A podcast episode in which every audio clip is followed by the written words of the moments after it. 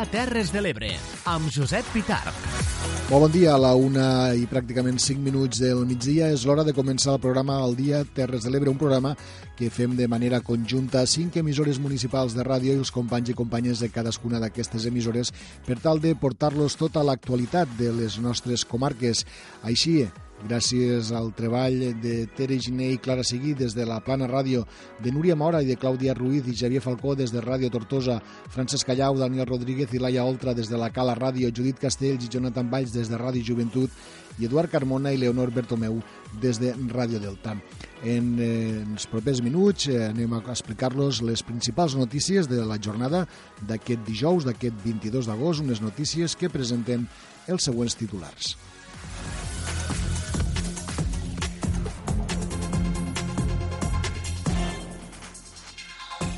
Jutjaran un conductor d'ambulància que robava joies a pacients d'edat avançada a Alcanar. Set víctimes de la Guerra Civil identificats en l'obertura de fosses a la Terra Alta. L'Ajuntament de la Mella de Mar neteja i ordena la zona d'accés al municipi venint des de l'AP7. El col·lectiu animalista de les Terres de l'Ebre es manifestarà dissabte a Tortosa en contra del macroabocador de Binefa Raosca. L'Ajuntament d'Alcanar signa un contracte amb la protectora Arca per a la recollida d'animals. La pintora calera Dolors Espuny s'estrena amb l'acrílic al Centre d'Interpretació de la Pesca de la Cala. Amposta es convertirà en l'epicentre de l'únic esdeveniment a Catalunya dedicat als videojocs i a l'oci digital amb el VideoArt Game Experience. Coetus, Clau de Lluna, Els Quicos i Joseret junts este dissabte al Tradicionarius de les Terres de l'Ebre a Roquetes. Deltebre acull la nova seu de la Barça Academy de Perfeccionament a les Terres de l'Ebre. I el sènior femení de l'handbol d'Amposta prepara ja la temporada amb nou entrenador i noves jugadores.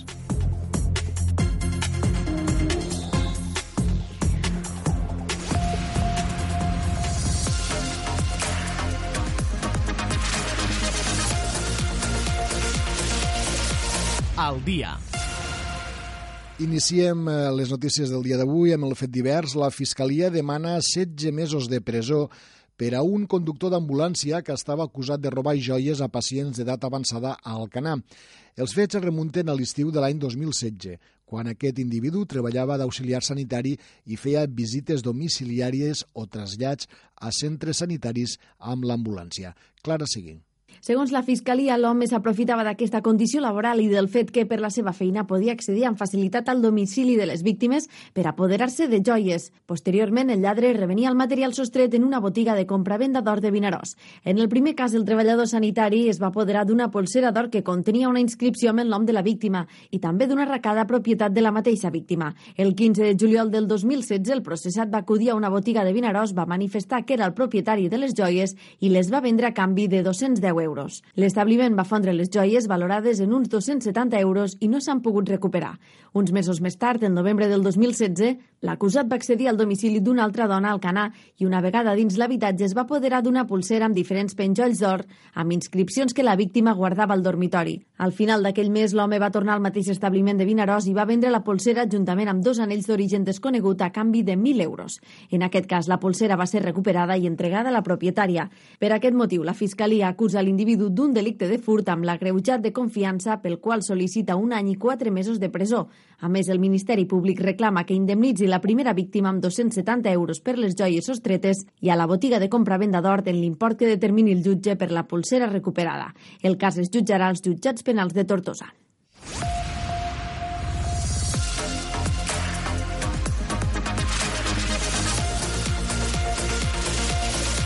Al dia. Canviem de tema. El pla de fosses de la Generalitat ha permès obrir 21 fosses de la Guerra Civil des que està en marxa el 2017 i ha identificat 7 persones que estaven enterrades. Les excavacions han facilitat la recuperació total de 292 persones. Des de la transició s'havien obert a Catalunya 28 fosses i recuperat només 58 cossos, identificat uns altres 7. Les darreres excavacions s'han dut a terme entre el maig i el juliol d'est any al cementeri de l'Alguaire, al Segrià, i també a Caseres i a Batea. L'actuació a Caseres ha permès recuperar les restes de dos soldats republicans d'una fossa a tocar mateix de la carretera nacional 420 i les restes d'un nombre encara indeterminat d'individus d'una altra finca del poble. Els arqueòlegs han d'analitzar aquestes restes per saber a quantes persones poden pertànyer. A Batea val a dir que no s'ha recuperat cap individu, mentre que els treballs de l'Alguaire encara estan en curs. El Pla de Fosses estableix uns protocols d'actuació, planifica i prioritza l'obertura de noves fosses i els treballs per identificar-ne les víctimes. El programa d'identificació genètica, que complementa el Pla de Fosses, disposa d'una base de dades on hi ha perfils genètics de familiars de víctimes i perfils genètics de les restes humanes localitzades a les diferents fosses. Si hi ha coincidència genètica, la víctima pot ser identificada i, per tant, retornada a la família. Si la identificació no és possible, les restes han de ser enterrades als cementiris dels municipis on van ser trobades, tal i com marca la llei de fosses. Més qüestions com a avançament de la campanya de civisme Estimo la Cala, que l'Ajuntament de la Mella de Mar presentarà properament, s'ha començat ara una actuació de neteja o ordenament de la zona d'accés al municipi des de l'autopista AP7. Francesc Callau. La zona d'actuació comprèn l'espai entre la rotonda de l'escultura Braços i Rems fins al pont de l'autopista AP7, un dels indrets de titularitat municipal en els que s'han detectat necessitats de neteja i millora amb l'objectiu de conscienciar els ciutadans del valor dels espais públics.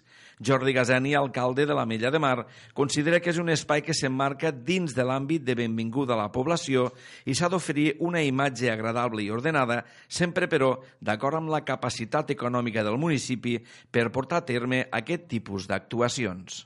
És un espai important perquè està dins de l'àmbit de, de benvinguda, o sigui, d'accés al nostre municipi i amb aquesta obsessió doncs, que, que tenim, que a més a més és una necessitat, eh? no és només una obsessió, és una necessitat de poder eh, fer una entrada agradable, neta eh, i ordenada, eh, sempre també amb, la, amb, les capacitats doncs, que, que, que tenim econòmiques i, i amb el que disposem, eh, és un dels passos necessaris que havíem de fer, eh, que era eh, la neteja eh, de tota aquella zona i eh, ordenar-ho eh, de la millor manera. Allò, eh, en la mesura que poguéssim, eh, doncs, eh, ara eh, la, la necessitat era eh, fer una neteja a fons, però en la mesura que poguéssim allò ha d'anar eh, doncs, ha, ha de fer de bon veure eh? és, és l'entrada al municipi sí que és abans de la, del pont de l'autopista però tot allò doncs, són accessos que fa que eh,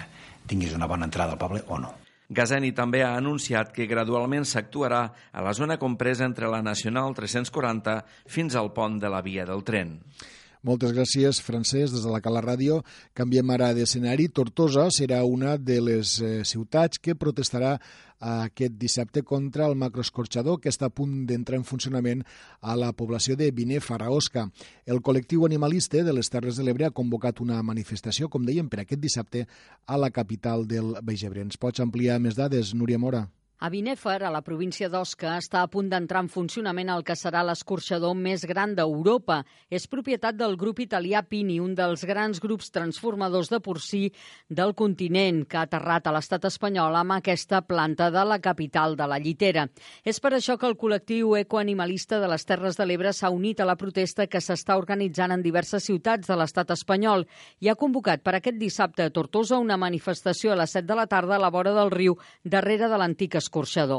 Segons els animalistes, en aquest macroescorxador de Binèfar s'hi podran sacrificar més de 30.000 porcs al dia i ha costat 70 milions d'euros. El col·lectiu animalista de les Terres de l'Ebre utilla d'autèntic holocaust i que no només atempta contra la vida dels animals, sinó que alerta que també posa en perill la salut personal. Els animalistes consideren que aquest macroescorxador de Binèfar només respon a la insaciable set de beneficis d'una indústria basada en el consum massiu de cossos mutilats, segons diuen textualment en un comunicat. Els col·lectius animalistes d'arreu de l'Estat han convocat manifestacions de protesta contra aquest macroescorxador de la capital de la Llitera a diverses ciutats. Per cert que l'Ajuntament d'Alcanar i la protectora Arca han arribat a un acord per prestar el servei d'acollida dels animals. De moment, el contracte tindrà una durada màxima d'un any i, passat aquest període, valorarà l'Ajuntament el servei proporcionat per Arca amb l'objectiu d'aconseguir la millor solució per a garantir el benestar dels animals. En aquest cas és una crònica de la Clara Seguí.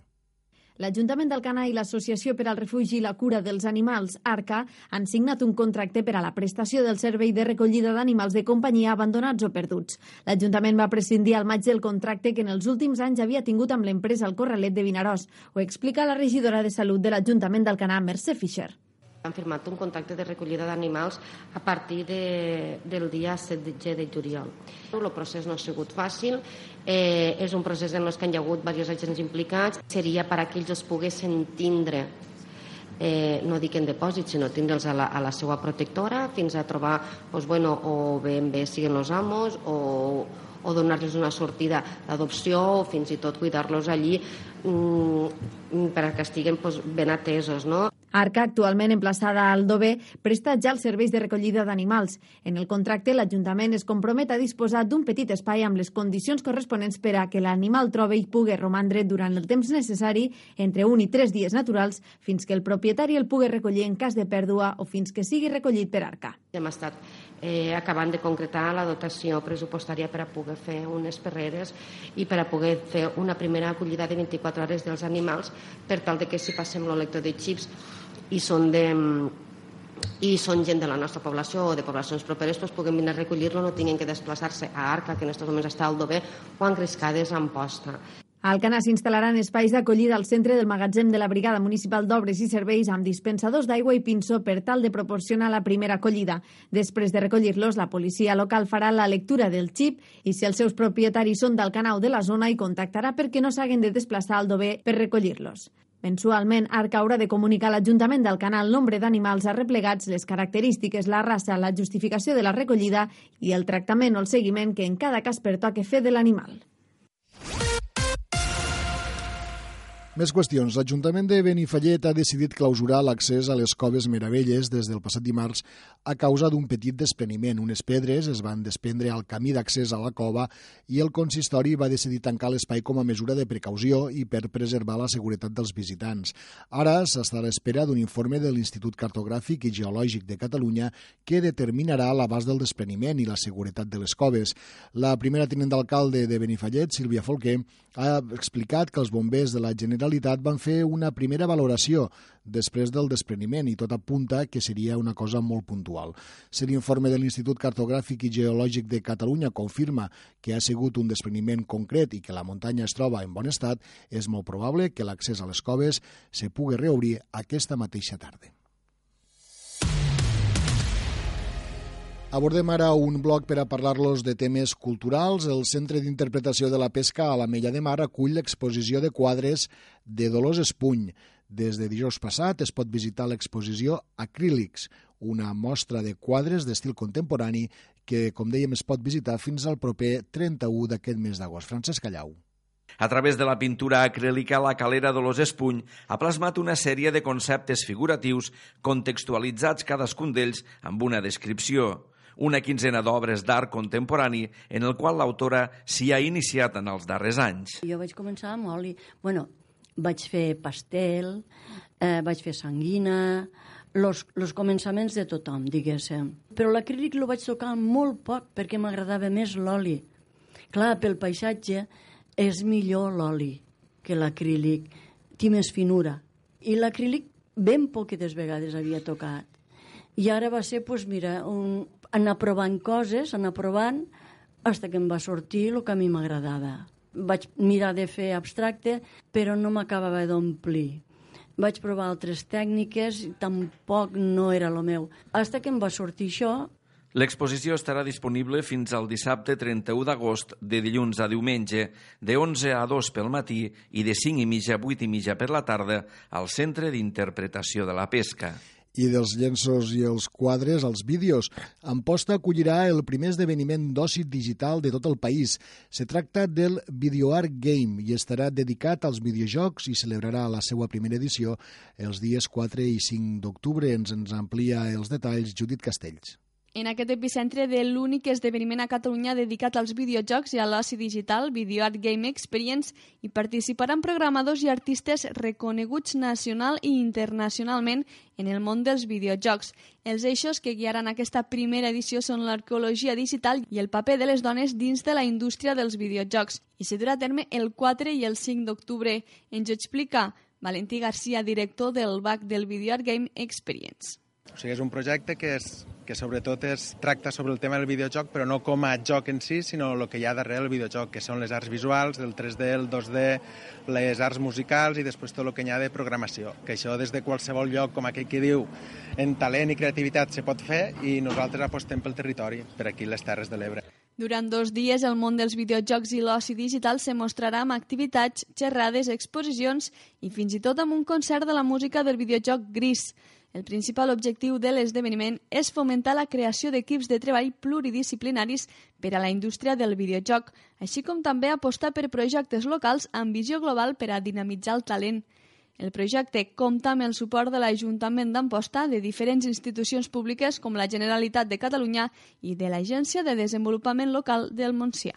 Gràcies, Judit. I encara en clau cultural els explicarem que a Roquetes enceta dissabte una nova edició del Tradicionarius, que enguany viurà un segon cap de setmana al mes de setembre. Propostes diverses de música d'arrel es donaran cita, com ja és habitual, a l'Orde Cruells. Núria Mora. La banda de percussió ibèrica Coeto serà, sens dubte, el gran atractiu de la nit d'aquest dissabte al Tradicionarius de Roquetes. Visita per primera vegada les Terres de l'Ebre dins de la seva gira europea. Es tracta d'una formació que presenta un dels directes més poderosos que es poden veure i escoltar en un escenari en l'àmbit de la música d'arrel. A banda, la sessió de ball estarà conduïda per Clau de Lluna, una formació que torna als escenaris als 30 anys de la seva fundació. Així ho ha destacat Artur Gaia, membre de Quico el Cel i el Noi i el Mut de Ferreries i organitzador organitzador del Tradicionarius de les Terres de l'Ebre. Tenim actuacions importants com Coetus, l'orquestra de percussió ibèrica, una formació de 18 músics a l'escenari, penso que de les més potents que es poden veure actualment en escena de música d'arrel. Tenim los 30 anys de Clau de Lluna, que tornen a reunir-se una de les formacions de, de ball clàssiques de, del, del circuit tradicionarius als països catalans. La llarga nit de música tradicional que començarà a les 8 i mitja del vespre a l'Hort de Cruells de Roquetes tindrà també un homenatge als cantadors de Jota conduït per Quico el Cel i el Noi i el Mut de Ferreries amb un concert especial que recordarà la història i els estils de cant des de Mariano Manta al Canalero, coincidint amb la celebració dels 50 anys d'ofici de Joseret. Com sempre, Joseret i els grellers de Roquetes donaran la benvinguda als assistents. Recordem que el Tradicionarius de les Terres de l'Ebre es perllongarà guany durant els dies 13 i 14 de setembre per celebrar el centenari del cantant nord-americà Pete Seeger.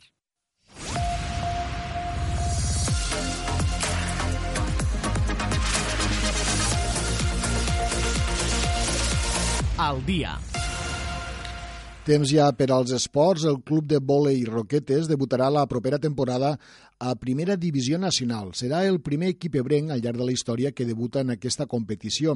L'ascens es produeix després de la renúncia que ha fet el Barça B, que va aconseguir l'ascens la temporada passada a les pistes de Roquetes després de la fase de promoció d'ascens que també van disputar justament els ebrencs. El club de vòlei Tren de Sóller i els Blaugrana van aconseguir l'ascens en una fase que, com dèiem, es va disputar al pavelló roquetenc. Després de la seva excel·lent campanya, els de Roquetes es van quedar a les portes d'aconseguir el seu objectiu. Ara es mantindrà el bloc de la passada temporada, tot i que encara queden fer alguns retocs a la plantilla. Una de les baixes importants serà la del tècnic Benjamín Cuevas, que seguirà el club però com a tècnic dels equips de formació un ascens aquest que li permetrà al club de vòlei Roquetes ser el segon equip provincial a la categoria nacional juntament amb el Torredembarra. La competició arrencarà el proper 5 d'octubre i els de Roquetes afrontaran el debut a la categoria casa davant del tren de Sóller. El primer desplaçament de la temporada serà a les Illes Canàries, on es mediran al Club de Vòlei Sant Roque, mentre que el primer duel provincial es produirà en la penúltima jornada de la primera volta, rebent a casa als Torrencs el dia 7 de desembre. Tancarà la Lliga el 21 de març, també a casa davant de l'Encamp d'Andorra. I del vòlei al futbol perquè del Tebre acollirà la nova seu de la Barça Academy de Perfeccionament a les Terres de l'Ebre. L'acadèmia obrirà les seues portes el dia 30 de setembre a les instal·lacions del Camp Nou de Deltebre i estarà dirigida pel jove entrenador de Santa Bàrbara, Joel Roig. Els entrenaments de les xiquetes i xiquets seran complementaris als entrenaments que ja realitzen els seus respectius clubs. Ens en dona més detalls Leonor Bertomeu. Deltebre és la nova seu de la Barça Academy Perfeccionament. Les instal·lacions municipals del Camp Nou acolliran els entrenaments de l'acadèmia la pròxima temporada, que s'obrirà el 30 de setembre. El jove entrenador Joel Roig de Santa Bàrbara serà el coordinador de l'acadèmia que va dirigir als jugadors i jugadores d'entre 5 i 14 anys de tot el territori i també a porters, amb l'objectiu de perfeccionar la seva tècnica i transmetre els valors, la filosofia i l'estil Barça als joves esportistes. Este mes d'agost s'ha obert ja les inscripcions de la setantena de places disponibles. En principi, la Sau de Deltebre obrirà les seues portes amb 70 places disponibles. No es buscarà una massificació, ja que anirà en contra de la metodologia del Barça, i es treballarà en grups reduïts i les consignes dels entrenadors o entrenadores van dirigides individualment a cada jugador o jugadora o porter o portera. Els entrenaments són complementaris als que realitzen els xiquets i xiquetes del seu club i es faran tots els dilluns des del mes d'octubre fins al juny. El dia 30 de setembre es farà la jornada de portes obertes de la Barça Academy. I encara en l'àmbit esportiu, molts d'equips ja estan en plena pretemporada. N'és el cas del sènior femení de l'handbol d'Amposta, que prepara la temporada amb diverses novetats, com que Sasa Jovic dirigirà l'equip i que s'han fitxat noves jugadores per afrontar la temporada competitiva a la divisió d'honor de plata. Judit Castells. Doncs sí, les jugadores del sènior femení de l'handbol Ampostat ja estan preparant la nova temporada a la divisió d'honor plata que donarà el tret de sortida el proper setembre. Una campanya que se prepara amb novetats. La primera, la banqueta, ja que Xassa Jovic, procedent del Perelló, serà el nou entrenador i substitut de Mateu Castellà. A la plantilla també hi haurà canvis, continuen nou jugadores i se n'han fitxat sis de noves, algunes d'elles conegudes per l'afició postina, com Joana Rieres, Cristina i Judit Tortajada. Jessica Bertomeu arriba del Perelló i Marina Gasca i Laura Subirats de l'Escó. Una plantilla àmplia i amb experiència que Jovic, l'entrenador del Club Ambol en posta punta, donarà garanties. Hacer un papel importante, sobre todo para tener una plantilla larga, para poder hacer rotaciones, cambiar, mantener ritmo de partido alto durante los 60 minutos, para poder entrenar en condiciones con con mucha gente, no sé, ayer por ejemplo éramos 20 jugadoras entrenando, que la verdad que un entrenador eso lo valora mucho, poder trabajar y poder trabajar con mucha gente y, y con gente de calidad, pues esto al final tiene que dar los resultados. Jovic afronta aquesta nova etapa en posta com un repte professional en què el sènior competirà al grup C de la divisió d'honor plata, categoria en la qual l'equip està consolidat. Explica, però, que aquesta temporada serà molt disputada amb rivals molt competitius. El primer partit de la temporada serà el proper 14 de setembre i el disputaran com a visitants a la pista de l'handbol Mislata. Gràcies, Judit. I un darrer apunt abans d'acomiadar les notícies per explicar que el proper diumenge Lo Sirgador continua amb el cicle de concerts Lo Riu és Música en aquesta segona edició de concerts acústics a bord del conegut Llagut. Diumenge serà la cantautora Ivet Nadal qui vindrà a delectar amb les seves cançons a bord del Sirgador. I és que Nadal es troba en el seu moment més íntegre, després d'una dècada als escenaris, amb cinc treballs discogràfics i dos poemaris. Ara retorna al lloc i al punt de partida amb tot el seu bagatge i l'experiència a l'esquena d'estar a tants d'escenaris. Recorda'ns, és aquest diumenge a Tortosa a bord del vaixell Lo Sirgador.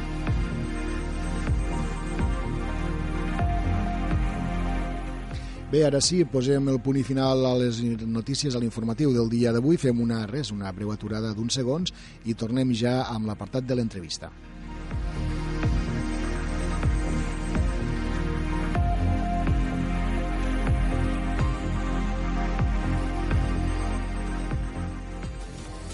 Vols viure una de les aventures més impressionants de la teva vida? Viu l'experiència Tunatur. Gaudeix d'una excursió en catamarà amb sortida del port de l'Ametlla de Mar a la Costa Daurada. Dona de menjar i nada entre els centenars de tonyines roges salvatges. Podràs practicar snorkel i submarinisme i gaudir d'una degustació de la millor tonyina roja al mig del mar. Una experiència didàctica i gastronòmica per gaudir en família. Informació i reserves a tuna-tour.com.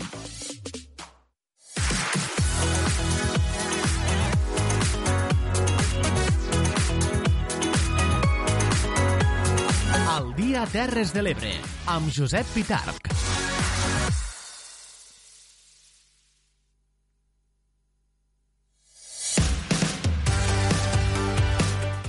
L'espai de la Jota, ubicat al pavelló 7 del recinte de l'antic escorxador de Tortosa, ha programat dos activitats en el pròleg cultural de les festes de la Cinta 2019, una lliçó magistral del músic estudiós Josep Maria Xavarria sobre l'origen de la jota i la presentació del llibre Els cants de les plantes, del taller de camp popular del Museu de la Pauma, eh, que en aquest cas serà el dimarts dia 27 a les 8, mm, Josep Maria Echevarria presentarà, com dèiem, de la càntiga a la jota, una lliçó magistral a partir de la seva hipòtesi sobre els orígens de les nostres jotes i cants d'era, així com la seva més que probable inspiració en les antigues càntigues d'Alfons de Zé el Savi. La xerrada comptarà també amb la participació del músic Rosena Imi i del cantant Juan José Gil. En canvi, dijous 29, també a les 8 del vespre, serà presentat el llibre Els cants de les plantes, de música, bones herbes i cistelleria, obra del taller de camp popular del Museu de la Pauma del Mas de Barberans i editat per l'editorial Cossetània. Artur Gaia, bon dia. Bon dia, Josep. Arturo Gaia és coordinador del Centre d'Estudis i d'Interpretació de la Casa de la Jota.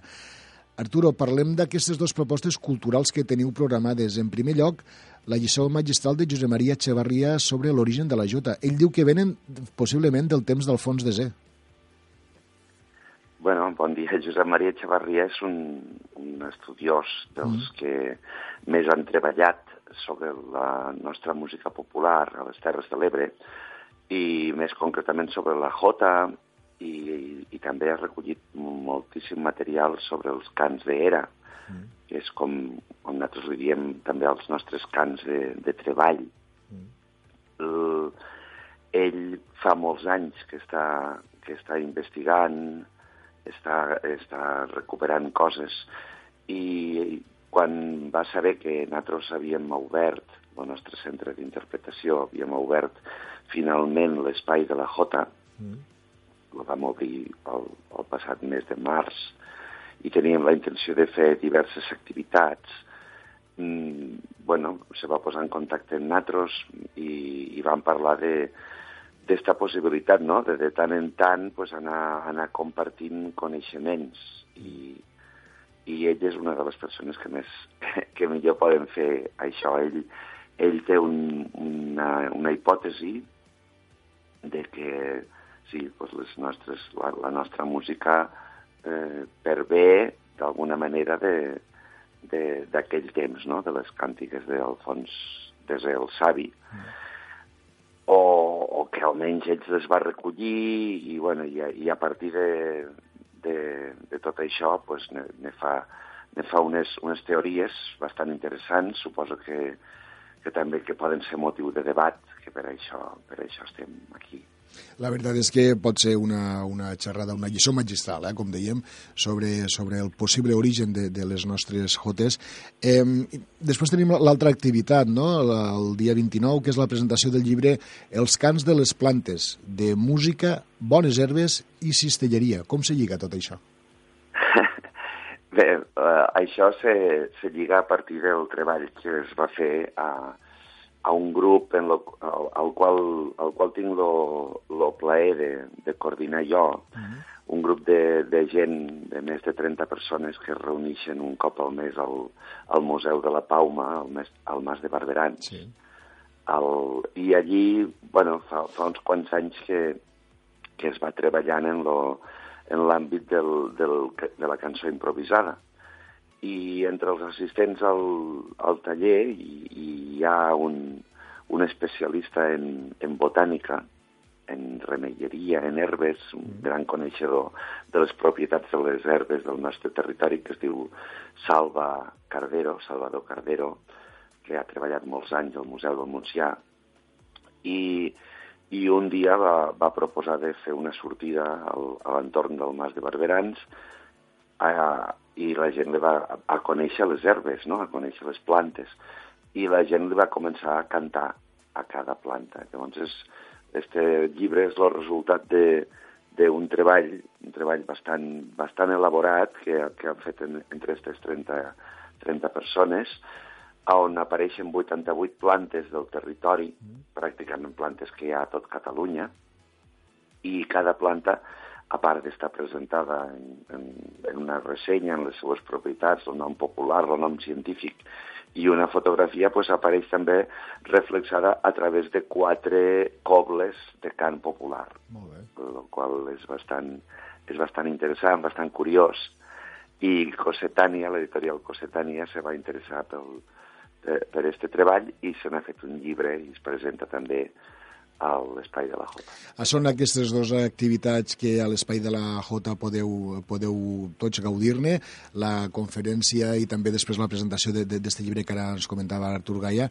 Eh, Artur, eh, dies que vau obrir aquest espai al mes de març, explica'ns una mica, recorda'ns exactament eh, què és el que podem trobar allí, eh, quin és l'objectiu de, de la Casa de la Jota?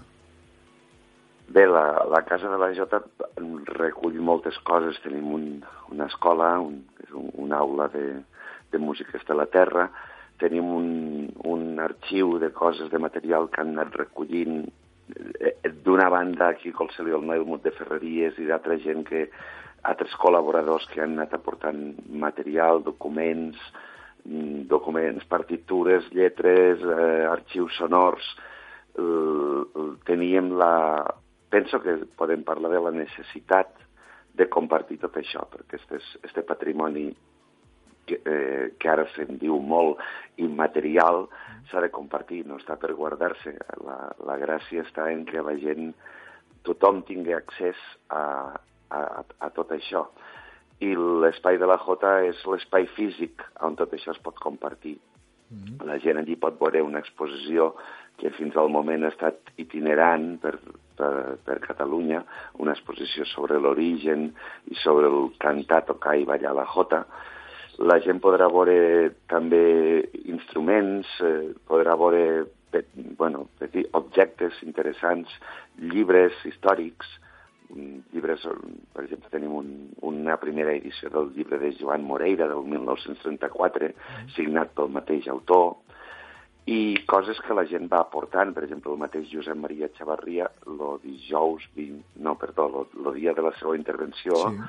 el dimarts 27, mos farà l'aportació d'un acordió diatònic del segle XIX que li va donar el cantador Boca de Bou i en una carta manuscrita del mateix Boca de Bou on, on explica que este acordió diatònic eh, este instrument se tocava a les festes i a les tavernes i a les places a les Terres de l'Ebre eh, quan Mariano Manta i Perot feien les seues rondalles de jota. De vegades se considera que els instruments són només d'un lloc, s'associa l'acordió diatònica als pastors del Pirineu, mm. i, i quan re, en realitat eren instruments i, i, i músiques i repertoris que, que se tocaven a, a tot arreu. I alguns llocs se considera que són més propis d'un terreny o d'un altre senzillament pel fet de que hi ha hagut alguna persona que hi ha treballat més. Mm.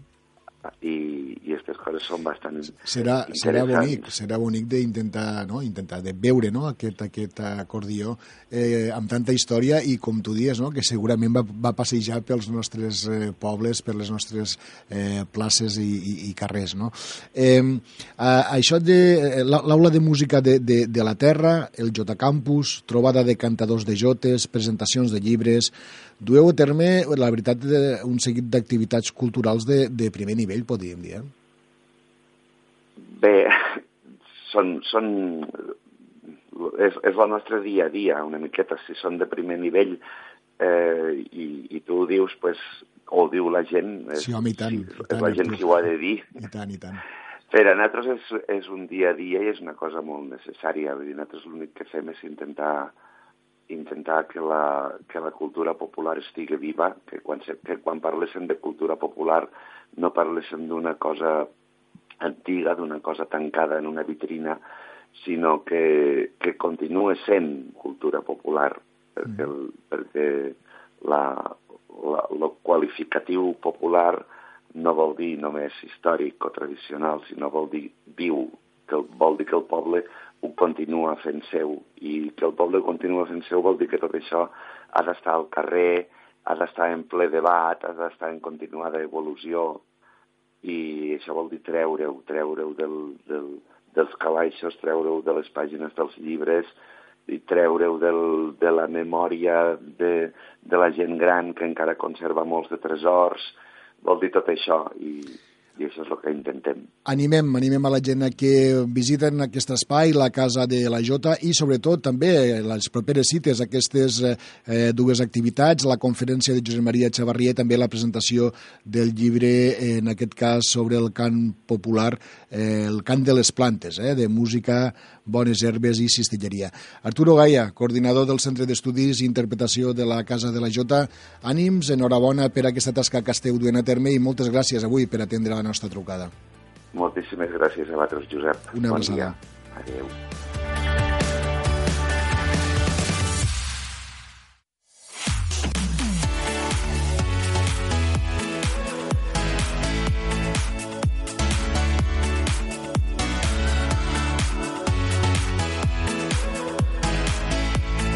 Al dia, l'agenda de les Terres de l'Ebre. I pràcticament sense aturador, quan són 20 els minuts que manquen per arribar al punt de les 2 de la tarda, eh, continuem el nostre programa. Ara ja anem a repassar els diferents actes que tenim a l'agenda de les Terres de l'Ebre, una agenda que fem a través de les connexions amb totes les emissores. Comencem amb la Cala Ràdio, la Mella de Mar, on hi ha Francesc Callau. Francesc, què tal? Bon dia. Què tal, Josep? Bon dia. Des de la Cala Ràdio sem la següent proposta. Avui a la Mella de Mar, a partir de les 10 de la nit i a la plaça Nova, música en directe amb els ritmes cubans de Cubasson. Demà a les 10 i mitja de la nit i al Parc del Bon Repòs, demostració de patinatge a càrrec del Club Patí la Mella de Mar. A l'Ampolla divendres, dia 23 a les 11 de la nit, cinema a la fresca amb la projecció de la pel·lícula Ant-Man i la Vispa. Per a dissabte, a l'Ampolla, per la tarda, tarda d'artesania, a partir de les 7 a la plaça González Isla. I al Perelló, dissabte 24, a partir de les 7 de la tarda i a l'ermita de Sant Cristòfol, Festival Freakout, amb Emma Fernández, Juan Amán, Saisai o Madrasso, entre altres grups participants. Més activitats, més propostes, en aquest cas les que ens arribaran des de Ràdio Joventut, on hi ha Judit Castell. Judit, bon dia. Bon dia, Josep. Doncs aquí al Montsià estem de festa. Per una banda, la Sènia, que ja fa uns dies que gaudeix de les seves festes majors, on una de les activitats estrella i diferent a la resta dels municipis, sens dubte, són les curses de cavalls i burros, que se celebren totes les tardes a partir de les 6. I per altra banda, Freixenals també estan celebrant les seves festes majors, on la cursa tradicional de cintes amb bicicletes, els jocs tradicionals, el ball i el cinema a la fresca no hi faltaran. I de cara al cap de setmana us recomano preparar apropar-vos a Sant Carles Marina de la Ràpita, on se celebrarà la quarta edició del Food and Fashion, el festival de moda, gastronomia i música que tenim aquí les Terres de l'Ebre i que inclou un pop-up market i una gran varietat de food trucks, on tampoc faltaran els concerts i la zona d'oci infantil. Moltes gràcies, Judit. Nosaltres continuem amb més connexions, continuem avançant. Ara anem als estudis de Ràdio Delta del Tebre, on hi ha Eduard Carmona. Eduard, bon dia. Bon dia, Josep. Aquí a Deltebre encara falta una mica per les properes festes veïnals, que són les festes de Sant Ramon, però abans us podem fer un parell de propostes, com ara eh, que tindrà lloc, eh, les que tindran lloc, més ben dit, eh, el proper dissabte 24 d'agost. Eh, com cada dissabte a l'estiu hi ha mercat a Riu Mar a partir de les 6 hores a la plaça Europa i, atenció, perquè el mateix dissabte 24 es celebrarà el primer Open Petanca Riumar a partir de les 10 del matí a la pista de petanca davant del Consell de Riumar. Moltes gràcies, Eduard, per aquestes propostes que ens porten des de Deltebre. Passem ara a Tortosa, als estudis de Ràdio Tortosa hi ha la nostra companya Núria Mora. Núria, bon dia. Hola, bon dia, Josep. Avui a les festes de Remolins podem gaudir del Coso Iris a partir de les 5 de la tarda pels carrers del barri. Hi haurà premis a les 3 millors carrosses. A partir de les 7 i mitja de la tarda, ruta de la cervesa i a les 10 de la nit, sopa de disfresses a la plaça Menahem Ben Saruc, en què es premiarà la taula més ben ambientada. Al mateix emplaçament, a continuació, hi haurà ball amb el DJ Sopes de Frígola. I a la pista poliesportiva, per als més joves, música fins ben entrada la matinada amb la 21a nit Tecno. En aquest cas, l'entrada costa 5 euros. I ja de cara al cap de setmana us proposem un nou concert en el marc de les nits d'estiu a l'antiga estació de Benifallet, amb rampaire, pop d'autor d'arrel abrenca. Serà a les 12 de la nit i l'entrada és gratuïta. I diumenge continua el cicle Los Riu és Música, concerts acústics a bord del llagut Lo Sirgador a Tortosa. Mentre gaudim de la posta de sol, podrem escoltar les cançons de la cantautora Ivet Nadal, navegant des de Tortosa fins a les illes de la Xiquina a Jesús i dels Bous a Vinallop. Una combinació perfecta per la tarda de diumenge, gaudint de la música en viu, de la façana fluvial, de la història de Tortosa, de l'exuberant bosc de Ribera i d'una copa de cava. Podeu fer la reserva online a losirgador.com o bé adquirir les entrades a bord el mateix dia del concert. I tant que sí, una bona proposta, Núria. I acabem la nostra ronda de contactes amb eh, la connexió amb la Plana Ràdio a Santa Bàrbara, on hi ha la Clara Seguí. Clara, bon dia. Bon dia, Josep. A les cases del Cana continuen les festes, així que si us agraden els bous avui a partir de les 6 de la tarda podreu gaudir de la ramaderia Eliseo al recinte portuari. Avui també celebren el sopar dels jubilats a càrrec de l'Associació de Pensionistes i Jubilats de les Cases. Continuaran els bous a partir de les 10 de la nit amb el bou mecànic de foc i tot seguit el bou embolat. Tot seguit, actuació de duet musical a la llar de pensionistes i jubilats de les cases i a les 12 avui és la festa jove a càrrec dels joves canareus. I si us voleu anar preparant per demà divendres, a les 12 i mitja del matí hi ha prova de bous. A la tarda també bous, bou mecànic, bou embolat i per encetar el cap de setmana, ball de gala amb l'orquestra Seven Crashers, on les pubilles i els hereus obriran el ball amb un vals i un pas doble. En finalitzar, hi haurà l'actuació de Jordi Mulet i Pol Nolla, DJ al recinte portuari.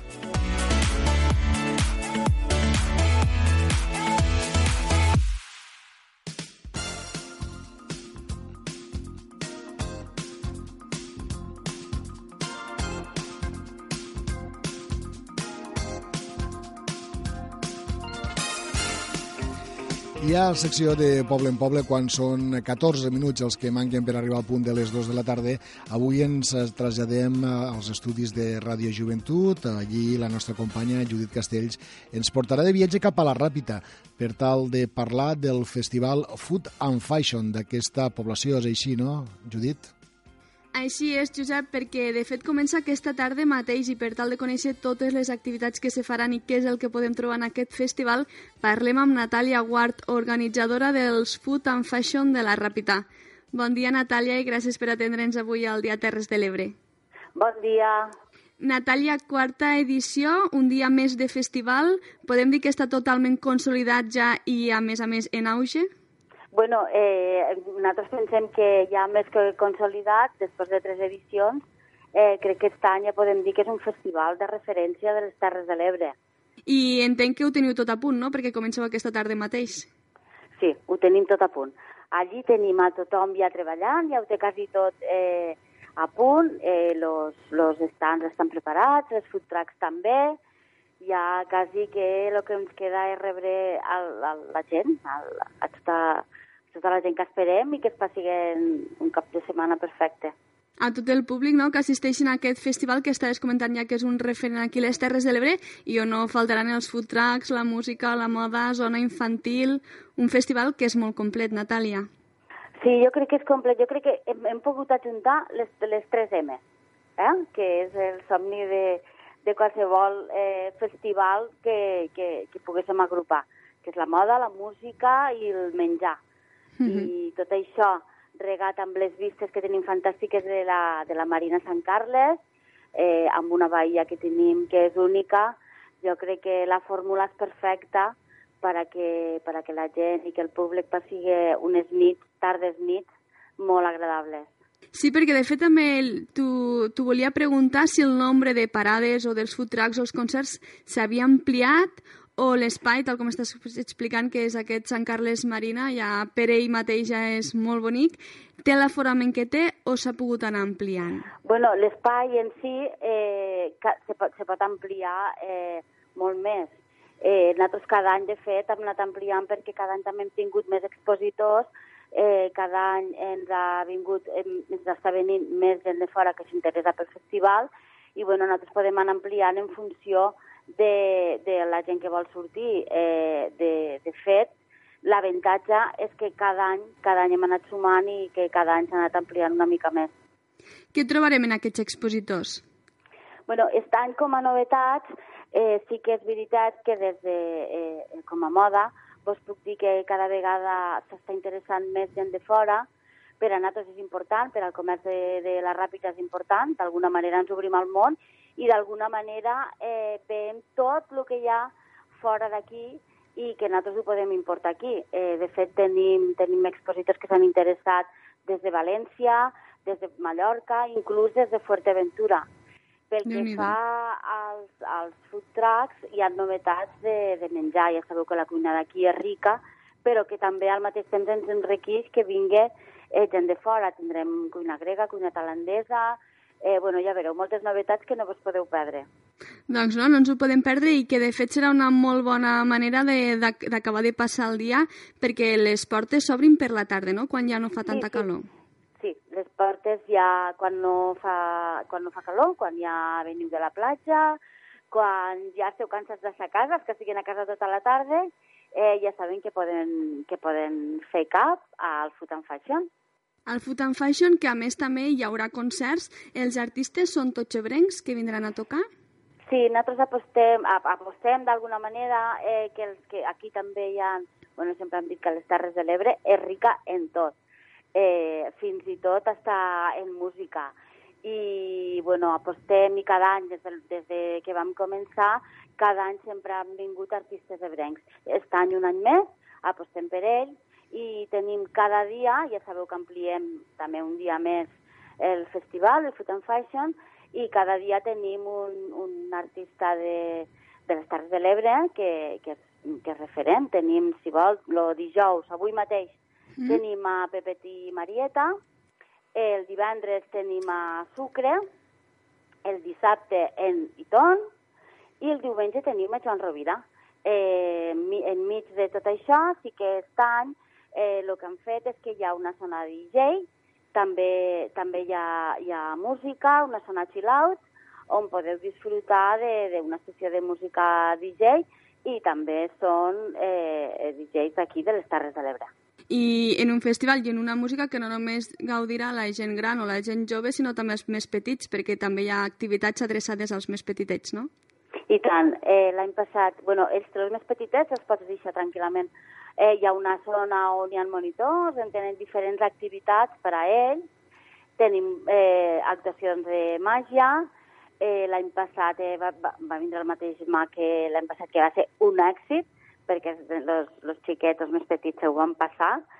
I després també una altra novetat que m'he deixat és que també tenim, eh, any tenim una actuació d'una monologuista, que és andorrana, que també, també sé que vos ho passareu. Eh? Natàlia, si ens vols comentar una mica els horaris per tots els oients que ens estan escoltant, perquè sàpiguen a veure quina hora s'han d'adreçar a Sant Carles Marina? Sí, bueno, eh, sí que um, s'han de fer... Eh, hi ha cues si no teniu les entrades, o sigui que és ideal que haguéssiu comprat l'entrada abans, com, com, ja, com les altres edicions, i bueno, des de les 6 de la tarda fins a les 11 i mitja eh, podeu estar allí tranquil·lament gaudint d'aquest Food and Fashion del 2019. Les entrades on se compren, Natàlia? Sí, les entrades per Ebre Ticket, eh, també per la Marketplace de la Ràpita, si ho voleu comprar per internet.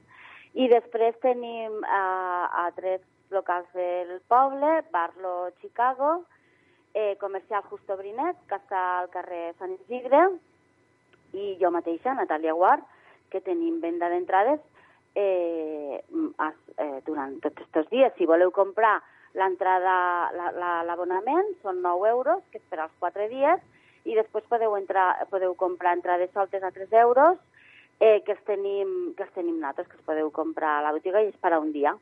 Perfecte, doncs l'únic que ens queda ja des d'aquí, Natàlia, és convidar a totes les persones, a tots els veïns i veïnes d'aquí de les Terres del Vere que ens estan escoltant ara, algun missatge, algun... com els vols animar perquè s'apropin bueno, a la ràpida? Jo convidar-los convidar-los, que un any més eh, se ho passaran genial, i també m'agradaria, sobretot, sobretot agrair a l'empresa organitzadora, a l'Olympic Market, agrair Sant Carles la Marina, que som els col·laboradors, a l'Ajuntament de la Ràpita, i bueno, jo, la Unió de Comerç Rapitenc, a la que represento jo mateixa, per poder fer realitat un any més aquest festival Food and Fashion. Doncs des d'aquí també us ho agraïm nosaltres. Moltíssimes gràcies, Natàlia, organitzadora del Festival Food and Fashion de la Ràpita. Us desitgem des d'aquí que el festival sigui un èxit i ens veiem passejant pel Sant Carles Marina i pel festival que jo vindré segur. Molt bé, us espero. Gràcies a tots. Vinga, adeu.